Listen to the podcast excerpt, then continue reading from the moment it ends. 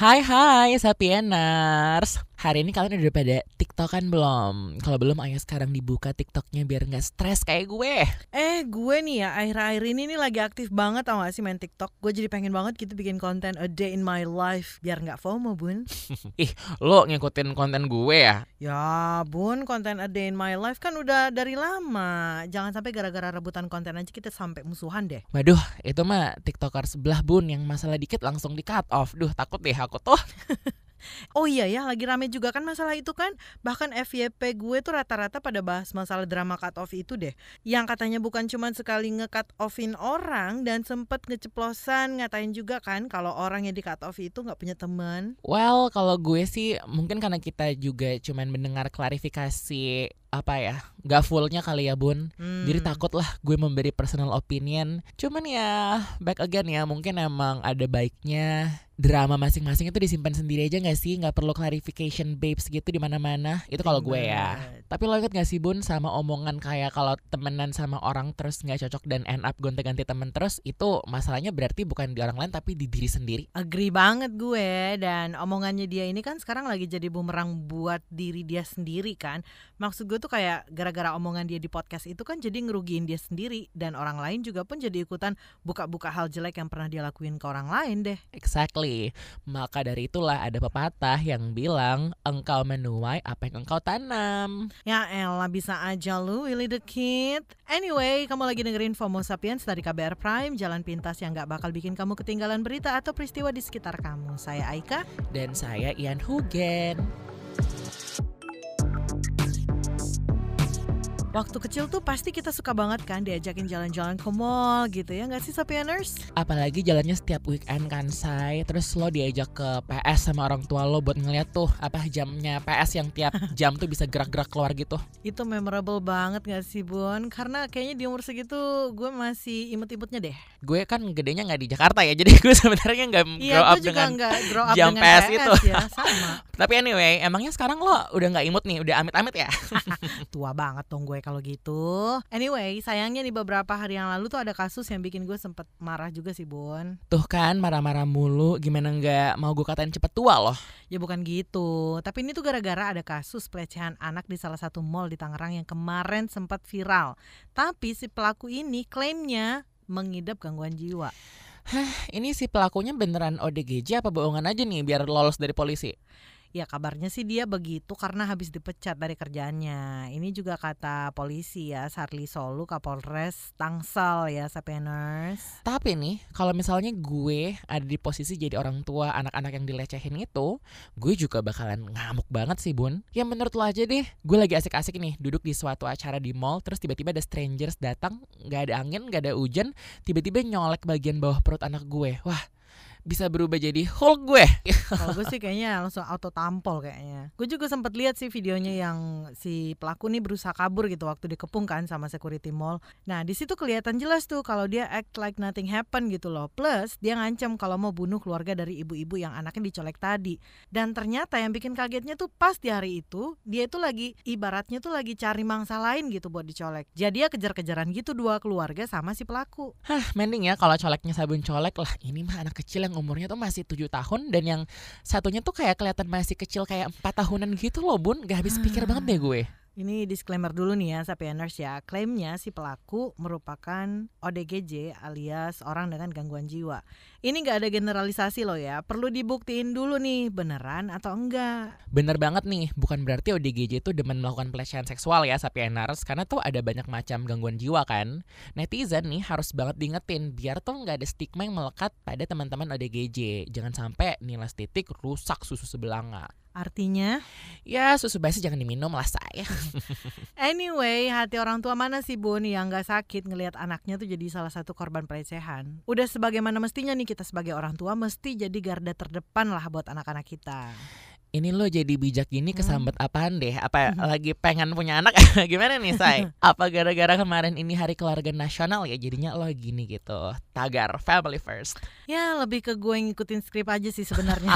Tapi serius nih ya, kalau gue ngomongin soal keluarga tuh gue jadi agak mellow gitu, Bun. Apalagi kalau dikaitkan sama segala aspek kehidupan di diri ini gitu. Bisa dibilang kan gimana ya? Itu tuh termasuk salah satu privilege terbesar gue sih punya keluarga yang lovely gitu. Karena diri lo yang spesial dari yang lain nih ceritanya. Eh, martabak kali ya. Tapi benar, maksudnya kayak jadi melo beneran. maksudnya kayak ya kalau misalnya gue nggak didukung sama keluarga gue, gue nggak diterima sama keluarga gue just the way I am, kayaknya gue nggak mungkin ada di titik hari ini gitu. Plus nggak semua orang tua khususnya di Indonesia tuh bisa menerima anaknya karena berbeda atau spesial gitu dari yang lain. Malahan tipikal ibu-ibu di Indonesia banget kan yang hobinya ngebanding-bandingin anaknya sama anak tetangga. Elah itu mah udah bukan tipikal lagi sih, lebih ke template ibu-ibu.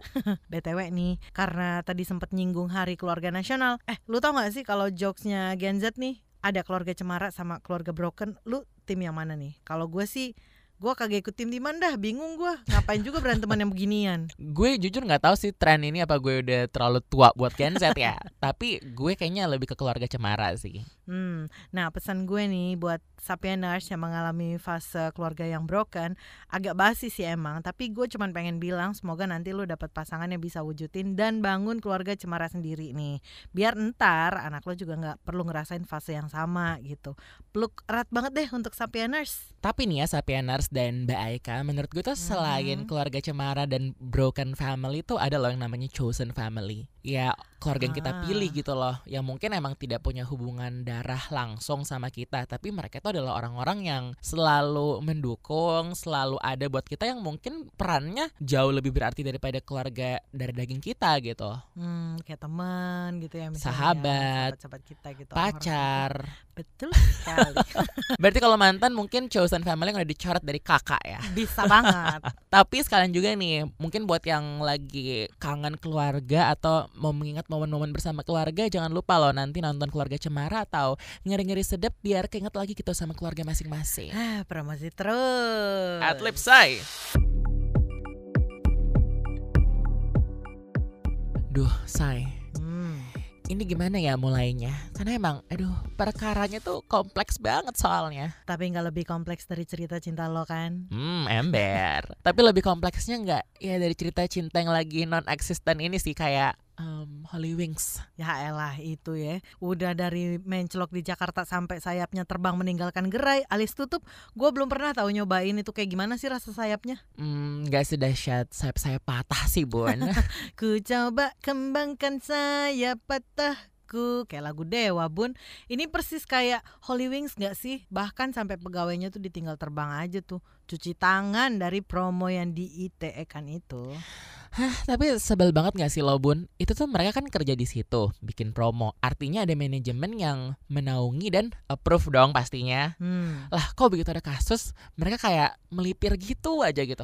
Nah, jadi gini nih Sapieners nih. Awalnya kan gara-gara konten promo minuman beralkohol gratis bagi pemilik nama Muhammad dan Maria kan. Minuman gratis ini diberikan tiap Kamis dengan syarat warga bawa kartu identitas. Tapi emang nyari gara-gara banget gak sih? Orang kan emang pada sensi ya kalau udah nyangkut-nyangkut agama. Kenapa sih nggak kayak nama lain misalnya apa ya? Ian Aika gitu.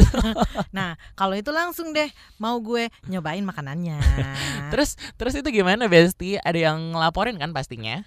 Ya jadi itu emang dilaporin sih sama Himpunan Advokat Muda Indonesia atau HAMI. Dasarnya ya dugaan penistaan agama karena Muhammad kan identik dengan Islam, sementara Maria identik dengan Katolik. Dan mereka ini disangkakan dengan beberapa pasal tuh, ada pasal kayak pasal 14 ayat 1 dan 2 Undang-Undang Nomor 1 tahun 1946. Ada juga pasal 156 KUHP dan pasal 28 nomor 19 tahun 2016 tentang perubahan atas Undang-Undang nomor 1 tahun 2008 tentang ITE dengan ancaman hukuman 10 tahun penjara banyak ya ini.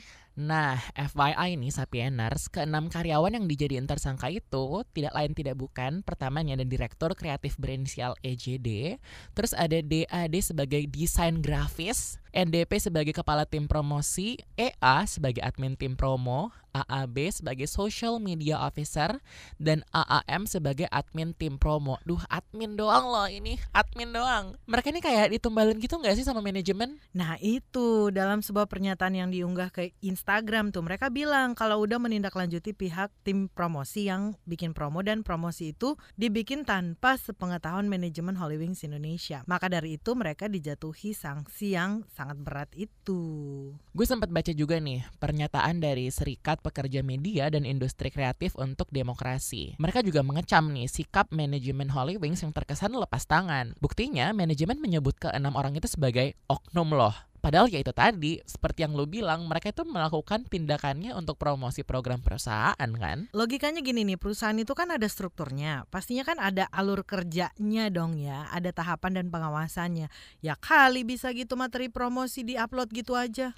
Makanya tadi gue bilang pasti udah di-approve gak sih, Say? Dan kayak kasus ini tuh jadi perhatian banget kan emang. Netizen plus 62 kan pada rame tuh. Dari kecaman sampai meme lucu langsung bermunculan satu persatu. Banyak juga yang mengkritik manajemen Holy Wings, ya karena tadi satu dugaan penistaan dan lainnya soal cuci tangan itu. Prokes banget nih ya manajemen Holy Wings, contoh yang baik banget ya.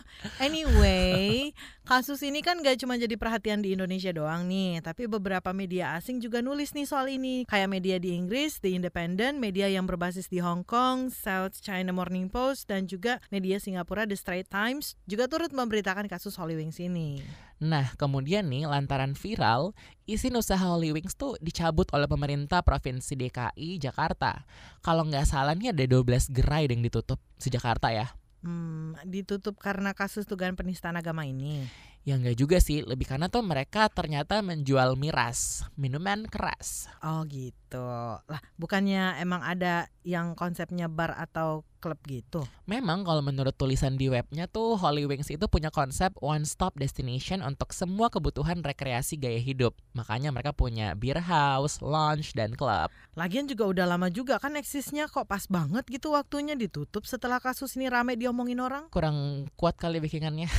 Gak deng, takut dia aku tuh. Kalau menurut Kepala Dinas Pariwisata dan Ekonomi Kreatif DKI Jakarta, Andika Permata, pencabutan izin itu karena beberapa outlet Holy Wings belum memiliki sertifikat standar KBLI 56301 jenis usaha bar yang telah terverifikasi. Artinya, Holy Wings belum punya izin nih Bun untuk usaha yang kegiatannya menghidangkan minuman beralkohol dan non-alkohol serta makanan kecil untuk minum di tempat usahanya. Ah, Holy Wings ini memang cuma punya surat keterangan pengecer atau SKP klasifikasi baku lapangan usaha Indonesia atau KBLI 47221 untuk pengecer minuman beralkohol dengan aturan penjualan minuman beralkohol hanya diperbolehkan untuk dibawa pulang dan tidak untuk diminum di tempat. Duh ya kali deh, namanya aja bar dan klub. Ya, masa take away sih bun? Kebayang gak sih lo? Beli minuman terus diplastikin terus dibawa pulang? Ini lagi nih. Udah cukup banyak kan sampah plastik? Gak usah lah nambah-nambahin sampah plastik lagi. Jadi itu ya pesan moral dari obrolan ini? Um, First thing first emang bermoral ya omongan kita Eh Bun, teman-teman lu pas pandemi kemarin banyak yang hijrah ke Bali gak nih? Buat kerja di Bali, uh, lumayan banyak sih kayaknya. Tapi udah pada balik sih rasa-rasanya. Eh gue salah satunya nih. Oh iya, pantesan Jakarta udah macet aja. Macetnya ikutan repatriasi, Besti. Menurut lo, emang Bali tuh lebih enak buat kerja apa liburan? Hmm, gue pernah sih nyobain di sana Mm-mm. hampir sebulan. Kayak minggu pertama tuh seru-seru aja. Tapi kayak minggu kedua dan ketiga gue slightly ngerasa justru lebih kurang produktif karena bawaannya pengen liburan aja gitu. Kayak kayak nggak hustling gitu hidupnya nggak kayak di Jakarta say. Tapi emang sih kalau dipikir-pikir kayaknya mungkin gak sih liburan dan kerja itu disatuin? I don't think so deh. Hmm, ya kalau digital nomad kayak kebanyakan turis di Canggu atau Ubud gitu mungkin bisa sih ya. Lagian kayaknya nih pemerintah bakal buka keran buat turis untuk kerja sambil liburan di Bali deh. ah ya itu kan kemarin yang dibilang Menteri Pariwisata dan Ekonomi Kreatif Sandiaga Uno ya Bali emang bakal ditargetkan untuk menjadi workation atau bekerja sambil liburan biar lebih lama mereka tinggalnya gitu sehingga pendapatan pariwisata di sana semakin meningkat Wah, kalau buat kita-kita yang lokal nih, gimana dong nasibnya? Kita boleh juga dong nih difasilitasi biar kerjanya nggak di kantor mulu. Stres lah, Beb, ujung-ujungnya depresi. Eh, iya, ya minta bos lo lah. kan penting bun buat menjaga kesehatan jiwa biar kita semakin produktif kan kan ya? Ya mumpung nih kan, kita kan ngomongin wisata, depresi dan pandemi nih. Nah selama pandemi kemarin kan orang makin banyak yang depresi, cara orang mengatasinya kan beda-beda tuh pastinya. Salah satunya ada tuh mengonsumsi marijuana atau ganja. Apa apa gimana boleh coba diulang? Ini ini bener nih, lo nggak salah dengar. Kalau mau baca, emang ada sih beberapa penelitian gitu yang nyebut soal itu. Cuman gua nggak jelasin di sini, panjang soalnya. Kemarin kan PBB sempat buka data tuh penggunaan ganja selama pandemi. Ini bikin orang tertarik juga buat wisata ganja. Bun, but back again, ini kan Indonesia gitu. Legalisasi ganja medis aja tuh masih jadi kontroversi. Ya kali kan, namanya juga usaha besti. Tapi ada datanya juga sih sebenarnya. Kalau studi dari MMGY Travel Intelligence tuh menemukan 29% pelaku perjalanan wisata menunjukkan ketertarikan pada wisata ganja. Nah, pemerintah Belanda juga nyebut 58% turis internasional memilih kota Amsterdam sebagai tujuan mereka untuk bisa mengonsumsi ganja, Bon. Gue sih pesimis ya kalau itu bakalan kejadian. Ya meskipun nih kayaknya bakal bisa mengundang turis juga sebenarnya. Tapi nih, di luar ekspektasi kebanyakan orang, MUI itu sedang mempertimbangkan loh untuk mengeluarkan fatwa yang bisa menjadi dasar pedoman penggunaan ganja medis. Oh iya bener, dengar ulama kayak Pak Maruf Amin mendorong kajian manfaat marijuana demi kebutuhan kesehatan. Ini kayak berasa mimpi gak sih gue? Jadi Pak Wapres nih bilang MUI itu memang ada putusan kalau ganja dilarang dalam arti membuat masalah. Sementara kalau alasannya kesehatan, ada pengecualian tuh. MUI harus membuat fatwa yang membolehkan penggunaan ganja untuk kesehatan. Fatwa itu nantinya bisa jadi pedoman tuh buat DPR menyusun aturan. Nah, MUI juga langsung respon juga sih meskipun diplomatis nih ya. Jadi Sekjen MUI Amir Syah Tambunan bilang apabila ganja disalahgunakan misalnya untuk mabuk-mabukan, maka hukumnya jadi haram. Nah, doi meminta para ahli kesehatan dan ahli hukum Islam untuk melihat nih apakah ganja memang punya kandungan untuk kesehatan. Kan juga udah banyak banget kan penelitian soal itu. Tapi ini langkah awalan yang oke banget sih menurut gue. Kalau ada fatwa halal atau minimal nggak diharamkan lah ya. Jalannya buat bikin penelitian atau penerbitan aturan untuk penggunaan ganja medis kan semakin terbuka gitu. Sepakat banget gue. Seingat gue nih ya, tahun 2015 lalu tuh Menkes Nila F. Muluk pernah menerbitkan keputusan Menkes yang mengizinkan Balai Besar Penelitian dan Pengembangan Tanaman Obat dan Obat Tradisional Kemenkes mengakses ganja untuk tujuan penelitian. Cuman ya gitu deh, sunyi aja gitu. Kalau ini Beb sempat bikin rame medsos nih. Lo sempat lihat nggak sih kemarin foto dan video ibu-ibu yang bawa poster dengan tulisan permintaan tolong untuk anaknya yang butuh ganja medis di CFD? Oh iya iya, gue lihat tuh di IG-nya Andin kan yang penyanyi itu juga ada sih ibunya itu dari Sleman, Jogja, namanya Santi Warastuti. Jadi anaknya Pika itu memang butuh ganja medis karena punya cerebral palsy. Nah ini yang dimaksud adalah minyak ganja CBD oil ya untuk terapi. FYI nih sapieners, cerebral palsy atau CP itu merupakan penyakit atau kelainan yang menyebabkan gangguan pada otot, gerak, dan koordinasi tubuh seseorang. Nah, menurut penelitian tahun 2011 yang diterbitkan National Institute of Health NIH, penggunaan ganja medis tuh ampuh dalam meredakan nyeri di sekitar punggung bawah, kaki, dan pinggul. Gak cuma tahun itu doang sih Bun, pada penelitian lain yang diterbitkan NIH tahun 2007 dan studi di 2014, ganja medis terbukti efektif nih dalam mengurangi kejang otot yang mengakibatkan nyeri nyeri.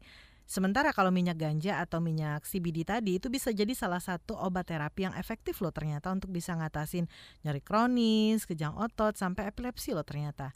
Tapi ya kudu ada rekomendasi hingga pengawasan dokter dalam penggunaannya. Kalau di Amerika Serikat, Badan Regulasi Pangan dan Obat menyatakan CBD emang udah dipelajari sebagai alternatif pengobatan baru sebab nggak menyebabkan penggunanya halusinasi atau ketergantungan. Nah, Ibu Santi dan dua ibu lainnya melayangkan permohonan uji materi Undang-Undang Narkotika ke MK pada November 2020.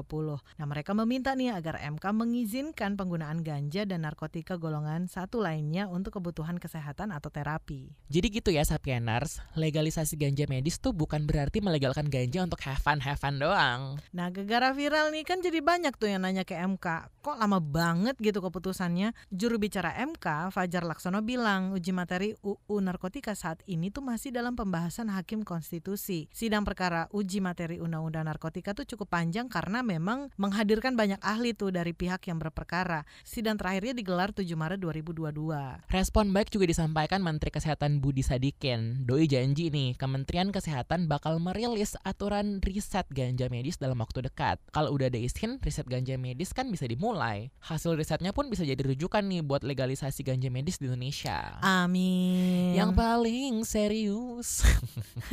Amin ganja medis dibolehin apa Amin ada yang mau diiketin tulang belikatnya nih? Mulai deh, tapi itu juga gue aminin sih. Itu dulu buat pekan ini. Saya Aika. Dan saya Ian Hogan, sampai ketemu pekan depan. Bye.